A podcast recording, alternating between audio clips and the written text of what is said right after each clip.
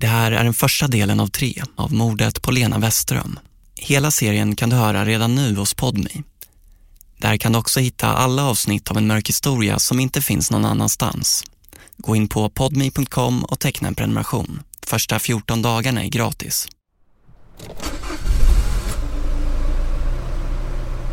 Det är en tidig morgon i december. Solen har ännu inte gått upp när en vit Ford kör ut från garaget in till en gul tegelvilla i utkanten av Örebro. Det decimetertjocka snötäcket knistrar i ljuset från bilens strålkastare när den svänger ut från villaområdet och kör längs med radhusen på Skördevägen. Hej. Vilket kort samtal. Ja, det var inget samtal. Jag hörde fel eller... ja, Det kom, det kom ringsignalen men det kanske var hos dig. nej. Men det här hörs ju mycket bättre. Det är ju bra. Mm. Mm.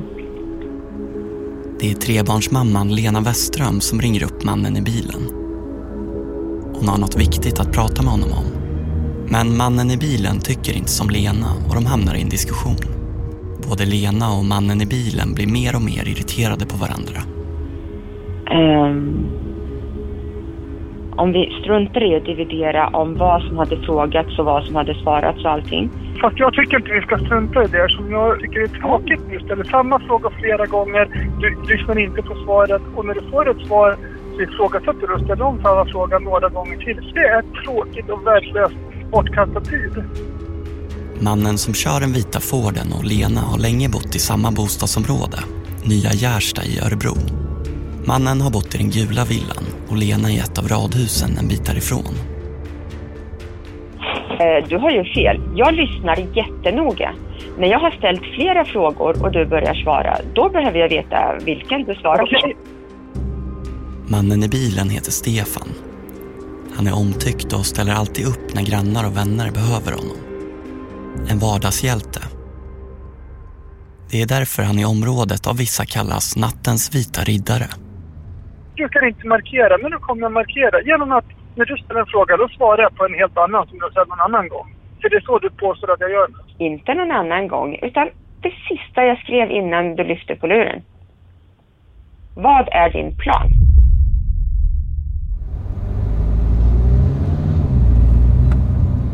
Det som grannarna inte vet är att deras vita riddare lever ett dubbelliv. I flera års tid har han och Lena haft en hemlighet. Sena kvällar, när deras respektive familjer somnat, smyger de ut och träffas. Ofta på motionsrundor, i bilen eller hemma i radhuset hos Lena. Jag tänker inte låta mig sopas undan som ingenting, som om inte tillfället fanns. Det var roligt och viktigt då. Och då ska det synas. För oss. Det måste inte synas för hela världen, men för oss. Men den hemliga relationen blir en påfrestning för de båda. För Stefan som måste dölja den för sin familj och för Lena som måste nöja sig med att vara en hemlighet. Om du försöker vifta bort mig i det, då viftar jag tillbaka. Men nu har Lena tröttnat på mannens dubbelspel och att minsta spår av deras relation hela tiden måste raderas. Ja, ja, jag har ingenting att säga. Um, hej då. Nej, nej, nej, nej. Nähä? Utan då ställer jag om frågan lite tydligare. Hur är din plan nu då? När Lena nu ringer upp Stefan den här morgonen hotar Lena med att avslöja den hemliga relationen för hans fru. Om han inte respekterar hennes villkor. Är det ett hot du uttrycker nu eller? Fråga, det är en fråga med ett frågetecken efter. Ja. Jag frågade om du tycker att det är bättre att jag säger så till henne imorgon när vi ses. Lena fortsätter att pressa Stefan på ett svar och han blir mer och mer irriterad. Eh, och det menar du är en eh, En fråga. seriös fråga från din... Det är en seriös fråga från din sida. Ja, det verkar så eftersom du inte samarbetar. Då får jag ställa frågan så att du svarar. Sam, samarbete? Jag, jag svarar ju hela tiden. Jag fattar inte vad du pratar om och vad du är ute efter. Du vet svaren på alla frågor du ställer. Varenda fråga. Eh, men du försöker hitta någon idiotlösning. Eh, jag, jag vet inte vad du håller på med. Du, jag hatar dig, Lena Westin. Jag hatar dig. Hej då. Från Just Stories och Podme. Det här är en mörk historia om mordet på Lena Westström. Mitt namn är Karl Fridsjö. Du lyssnar på den första av tre delar, Nattens vita riddare.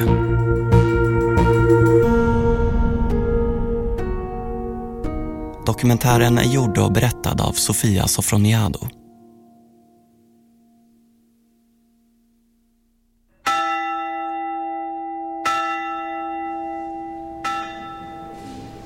Berättelsen om relationen mellan Lena och Stefan börjar flera år innan telefonsamtalet i bilen. Vid en vixel i Örebro. Pastor Lena Westrum har blivit ombedd att viga ett bekant par i kvarteret där de bor. Nu står de framför henne, förväntansfulla och spända. Lena är klädd i en svart prästskjorta. Hennes breda leende lyser i kapp med den vita prästkragen runt halsen. Det svarta, axellånga håret är välkammat och ligger utsläppt i sidobena. När vixen är över sjunger hon för paret, Stefan och Emma.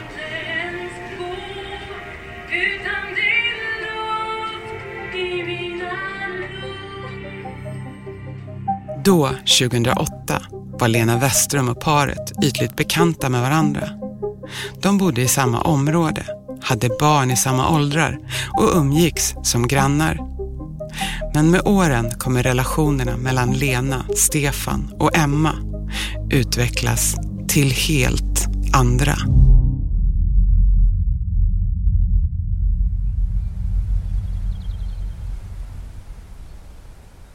Allt hon tog sig för var hon bra på, typ. Det var jätteirriterande.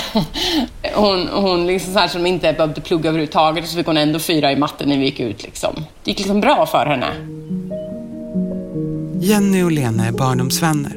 De lär känna varandra när de börjar på gymnasiet i Norrköping och hamnar i samma klass.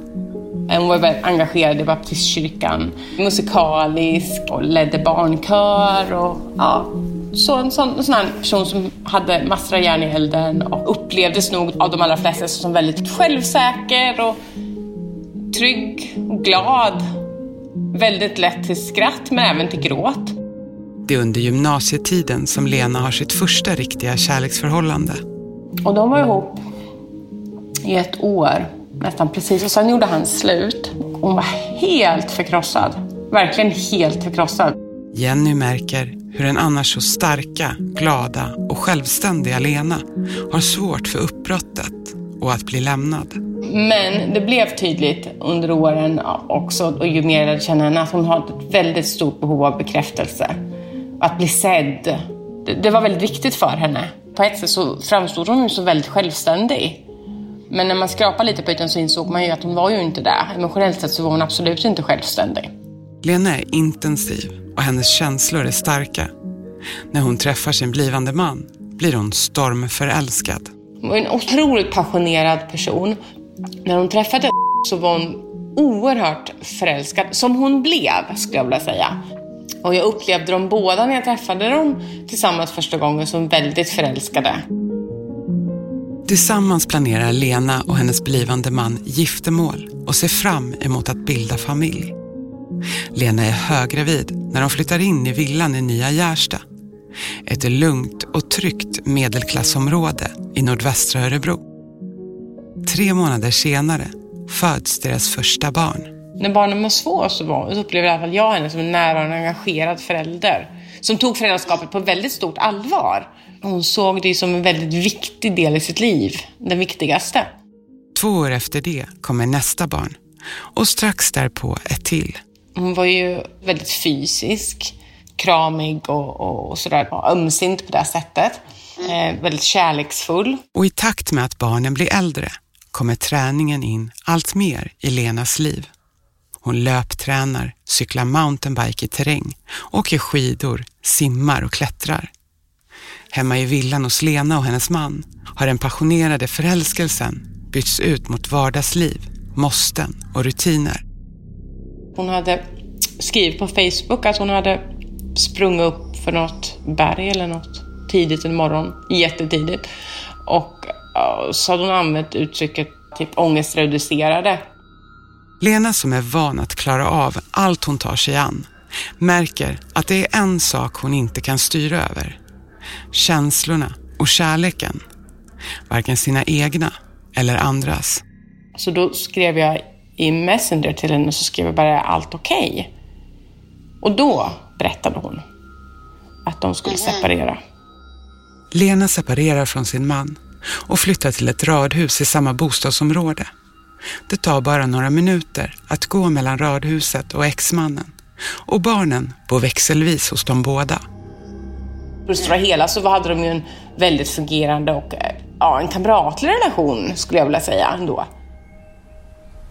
I ett av grannhusen i Nya Gärsta är det ett annat par som har en svår period. Det är Emma och Stefan, paret som Lena vigde.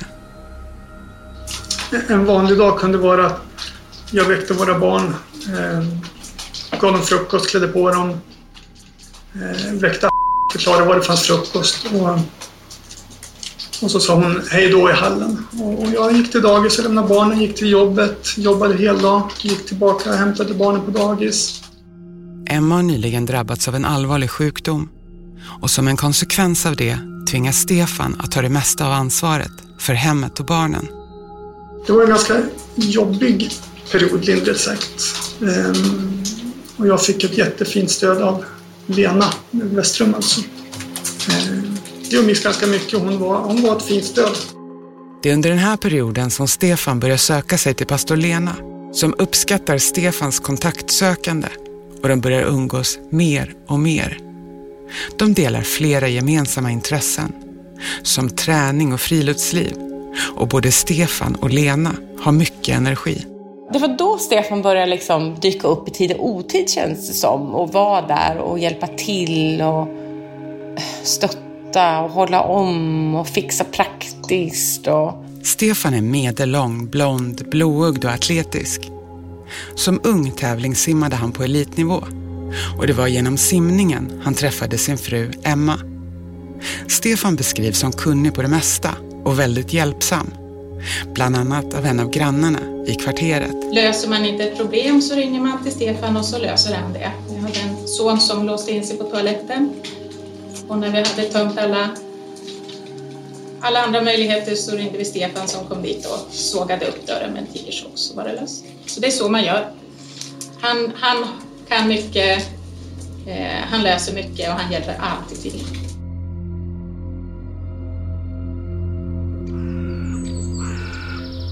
Det är vintern 2011. Fyra personer sitter runt ett campingbord i skogen. Det är kväll och becksvart omkring dem. Alla är klädda i tjocka vinterjackor, termovantar, mössa och pannlampa. På bordet är det framdukat fika. Julmust, bullar och annat ätbart och en stor kaffetermos. På ena bordsänden står en ljuslykta. Det är Stefan och två av hans vänner som är ute på en geocachingrunda. Stefans stora hobby i livet. Och den här kvällen har han för första gången tagit med sig Lena. Alla fyra ler mot kameran när en av männen tar en selfie med mobilen i kylan. Hon var ju glad. Hon, alltid när man träffade henne så hörde man hennes skratt. Man såg henne. Hon syntes. Hon var minst alltid i kroppsligt och längd, men hon hördes mest jämt. Så var det. Och energisk människa, alltså så väldigt mycket liv i henne. Kenneth Johansson heter jag.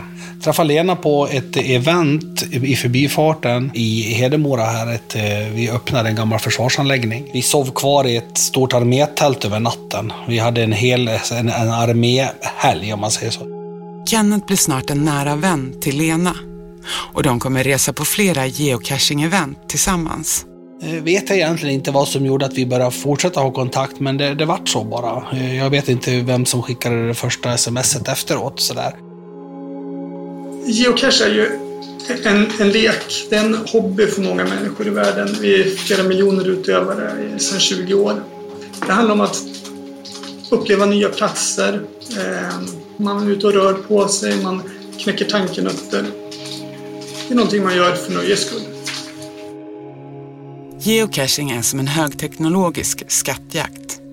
Leken går ut på att med hjälp av en app och mobilens GPS hitta så kallade burkar eller cacher som finns utplacerade överallt i hela landet. När man med hjälp av koordinater hittat cachen ska den loggas på en sajt. Det här spelet blir med tiden ett stort intresse hos Lena och hon går in i det helhjärtat. Lena tar varje tillfälle att registrera ännu en hittad geocache på listan. Hon börjar också göra sina egna burkar som hon gömmer och får ofta stilpoäng för dem. Lenas vän Kenneth igen. Just de här lite tuffare cacherna. Om man tittar till exempel på tvn där som du ser klippor. Så här, vid Katarinavägen i Stockholm till exempel, vid Tullhusen, sitter det en burk mitt på väggen där som vi kallar för 5-5 va? Och det, där får man ju fira sig ner 30-40 meter. Och, och sånt tyckte ju hon väldigt mycket om. Liksom de här äh, utmaningarna liksom. Det, det skulle hela tiden hända saker. Någonting. Utom när hon hade sina barn och då hade hon ju... Nu på Storytel. Första delen i en ny spänningsserie. En liten flicka hittas ensam i en lägenhet. Hennes mamma är spårlöst försvunnen. Flickans pappa misstänks för brottet men släpps fri trots att allt tyder på att han är skyldig. Olivia Oldenheim på åklagarkammaren vägrar acceptera det och kommer farligt nära gränsen för vad hon i lagens namn tillåts göra. Lyssna på När allt är över av Charlotte Al-Khalili på Storytel. Redo för sportlovets bästa deal? Ta med familjen och njut av en Big Mac, McFeast eller Cooper Cheese och Company plus en valfri Happy Meal för bara 100 kronor. Happy Sportlovs deal, bara på McDonalds. Hej, Susanne Axel här. När du gör som jag och listar dig på en av Krys vårdcentraler får du en fast läkarkontakt som kan din sjukdomshistoria. Du får träffa erfarna specialister, tillgång till lättakuten och så kan du chatta med vårdpersonalen. Så gör ditt viktigaste val idag, lista dig hos Kry. Sina barn och så, då, då var hon ju väldigt i det liksom. Men när hon var, när hon var fri liksom varannan vecka, som hon hade, så hade hon, då var det ju liksom geocaching och cykling och äventyr hela tiden. Lena geocachar både själv och tillsammans med andra i lag. Hon är ofta ute och letar burkar med Stefan. Och med tiden kommer den nära vänskapen mellan Lena och Stefan att glida över i någonting annat. Något djupare.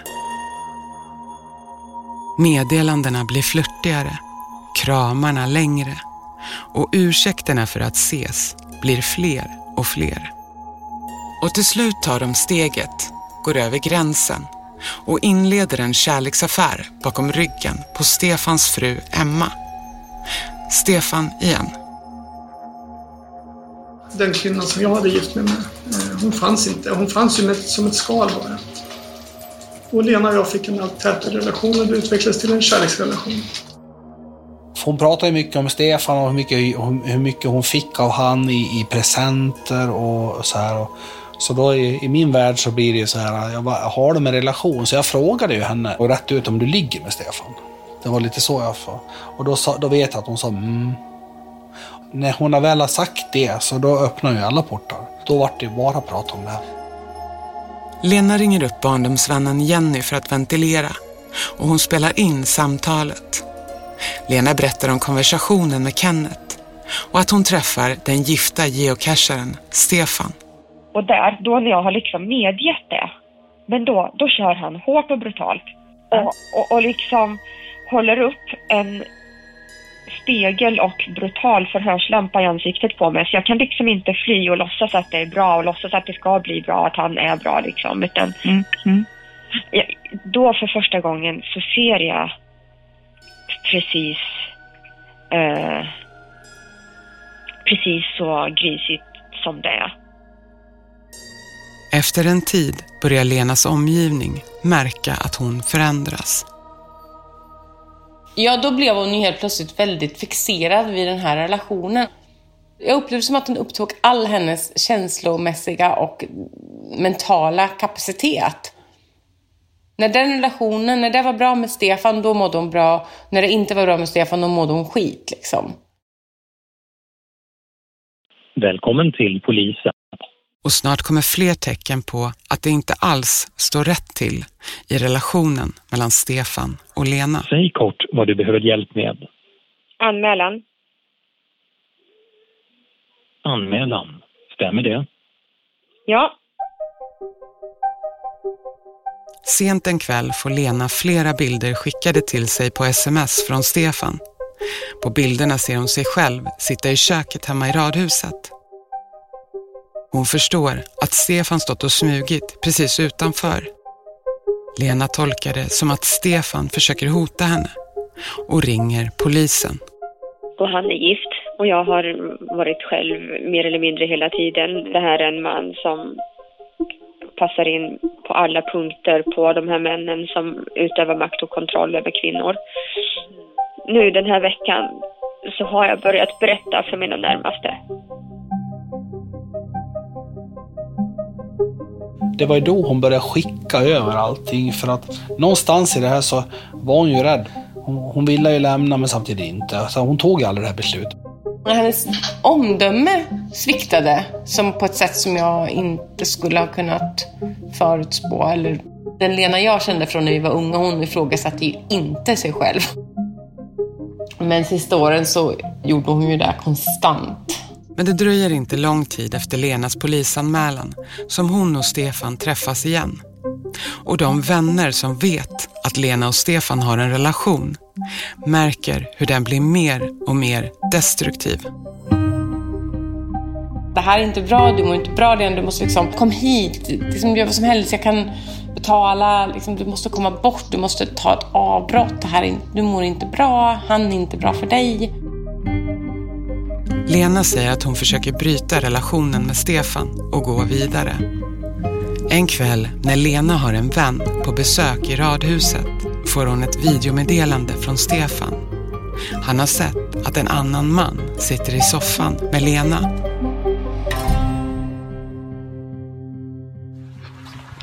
Hej. Nu passerar utanför dig och känns sådär. Skulle kunna gå och slita upp dörren och säga nu är det du och jag, nu är det du och jag. Men eh, godnatt. Älskar dig. Hon försökte ju då där, då, och hon höll ut i, jag tror det var en, fyra, fem veckor. Men sen var hon tillbaks. Hon tog aldrig det här beslutet. Hon tog aldrig det här kliva ut. Nu är det slut, nu vill jag inte träffa dig. Det, var, det, det kom aldrig.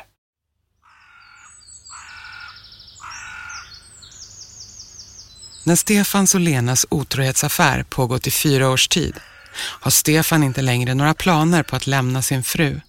Som han sagt till Lena i början. Istället vill han lappa ihop äktenskapet. För fem år sedan, 2015, så började jag säga till Lena att mina känslor för dig är inte tillräckligt starka, så oavsett, jag kommer inte att vilja leva med dig. Stefan skickar en video till Lena som han spelat in i bilen. Jag tänker fortsätta älska dig. Jag älskar dig. Hela dig. Överallt, alltid, hela tiden. Runt omkring och fram och bak och ut och in. Jag älskar dig så mycket. Men buset just slut. Vi fortsatte hela tiden vara intima. Lena blev väldigt, väldigt, väldigt besviken. Lena svarar med att skicka en video till Stefan. Hon gråter och vill inte acceptera att relationen ska ta slut. Det är inte alls slut. Bestäm inte det åt mig. Hon blev otrevlig och hotfull. Lenas största oro och rädsla det var att hon skulle bli lämnad ensam. Hon, kunde inte ta flera separationer. Hon, hon kände att hon blev övergiven för många gånger i sitt liv. Eh, hon stod inte ut med tanken på att jag också skulle göra det. Men trots att buset är slut, som Stefan säger, så fortsätter han att träffa Lena i smyg utan sin frus vetskap. Och nu kontrollerar Stefan helt och hållet hur, när och var han och Lena ska träffas och hur de ska kommunicera. Lenas barndomsvän Jenny igen. Att han straffade henne kändes det som. Han var väldigt kontrollerande. Äh, han hade ju inga tankar på att lämna sin fru och bara det i sig tycker jag är obehagligt när man inleder en relation med en annan person. För att är man jättekär och förälskad och, och vill ha en sexuell relation och en nära relation med en annan person så måste man liksom välja någonstans. Men det var ju inte han beredd på att göra. Lena söker stöd hos barndomsvännen Jenny. I ett samtal säger hon att hon själv upplever att hon har förändrats. Det som jag är chockad över, det är det förnedrande i att jag faktiskt har blivit en av de här kvinnorna som stannar. Ja, det är jättelätt att bli. Det, det är inte bara att gå. Det är ju inte bara det här. Det är ju liksom så mycket saker. Eh, Han har ju sagt att han aldrig kommer kröka ett hår på mig så länge som jag inte säger någonting. Men om jag gör det, då är det lika med att jag dödar honom eh, och det liv som han känner det. Och då kommer han ju liksom inte sätta... Ja, men han har uttryckligen sagt att han drar sig inte för att döda mig om det behövs.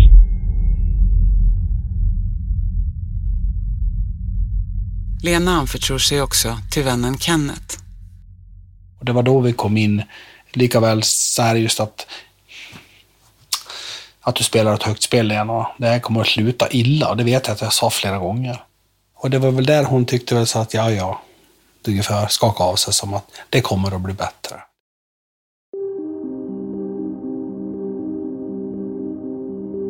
Våren 2017 kommer den stund som Stefan fasat för.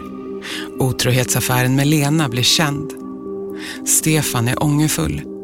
Han berättar för de närmaste att han nu brutit helt med Lena och att han vill försöka laga relationen med sin fru Emma som vid det här laget flyttat ut från den gula tegelvillan.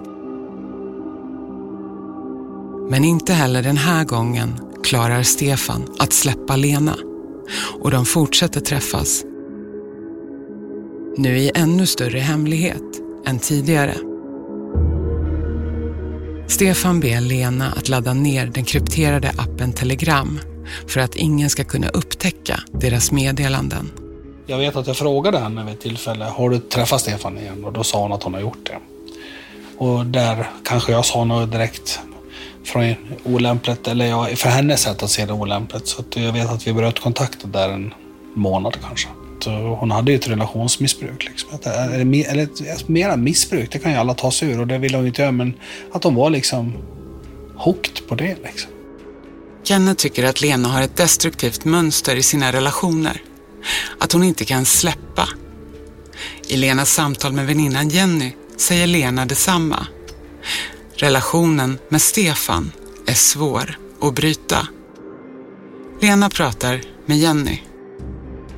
Eh, Det börjar med att han lägger liksom bakelser utanför, vaniljhjärtan, det har vi ätit Mm. många gånger han och jag. Vaniljhjärtan utanför min dörr, han kommer in och jag släpper in honom.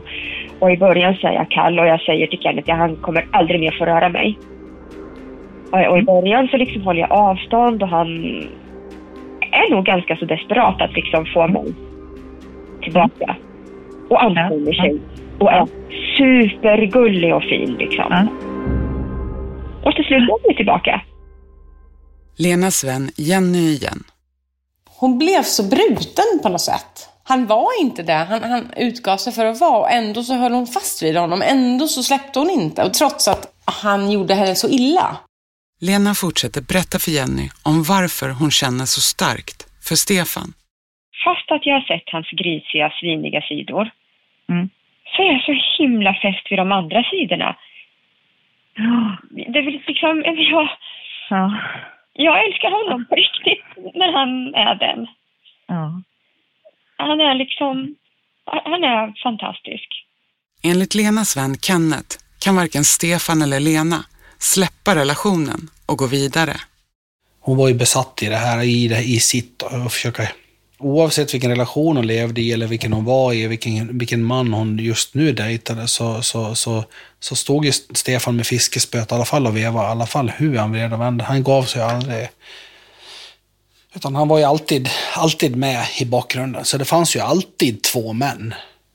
Så var det. Det fanns ju alltid två män. Men hon föll ju alltid tillbaks på Stefan. Ett år efter att relationen avslöjats Den 14 maj 2018 står Lena i köket i sitt radhus och bakar. Hon förbereder för nästa morgon. Hennes yngsta son fyller år och hans syskon och barnens pappa ska komma över och fira födelsedagen. När Lena bakat klart går hon ut i förrådet och hämtar utrustning. Nästa dag ska hon resa iväg på ett geocaching-äventyr till Norge. Lenas telefon plingar oavbrutet. Det är från vännerna som ska med till Norge. I chatten planeras allt i minsta detalj. Lena tar en bild på den hjärtformade kladdkakan som hon bakat till sin sons födelsedag och skickar den till Stefan i den krypterade appen och skriver Kom förbi sen om du kan. Sen tar hon fram presentpapper och snöre och börjar slå in sonens present. Stefan svarar att han har en del måsten den här kvällen. Klockan 23.22 slutar plötsligt Lenas aktivitet i chattarna. Vännerna ser att hon slutar öppna meddelanden. Och det kommer inte längre några svar från Lena.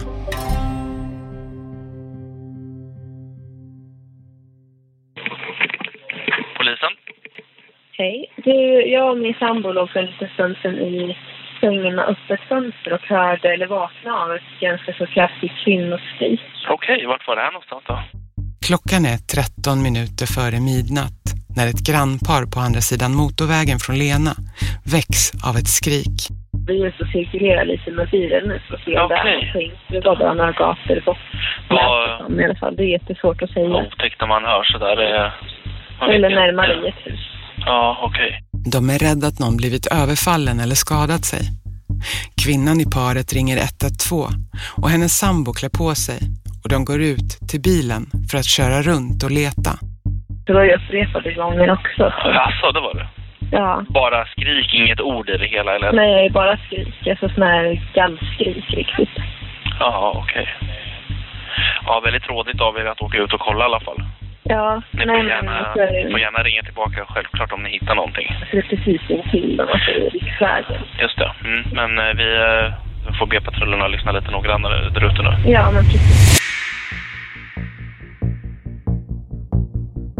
Polisen skickar aldrig någon patrull för att kontrollera larmet om skriket som paret hör. Och när paret inte kan se något misstänkt åker de hem igen. En av de som reagerat på att Lena slutat svara på meddelandena på sin telefon är Stefan. Han skickar ett sista meddelande vid halv ett på natten. Hepp, du kom inte in mer. Sov gott, hörs imorgon, skriver han. Klockan 01.40 den 15 maj, Lenas yngsta sons 12-årsdag, stängs Lenas mobiltelefon av och tystnar för gott. Du har lyssnat på den första delen av mordet på Lena Westström. I serien riktas anklagelser mot Stefan som aldrig prövats i domstol. Stefan har i polisförhör erkänt att vissa av händelserna skett men förnekade att han velat Lena illa. Emma heter egentligen något annat. Mordet på Lena Westström är en dokumentärserie av Sofia Sofroniado. Ljudmix Gustav Sondén.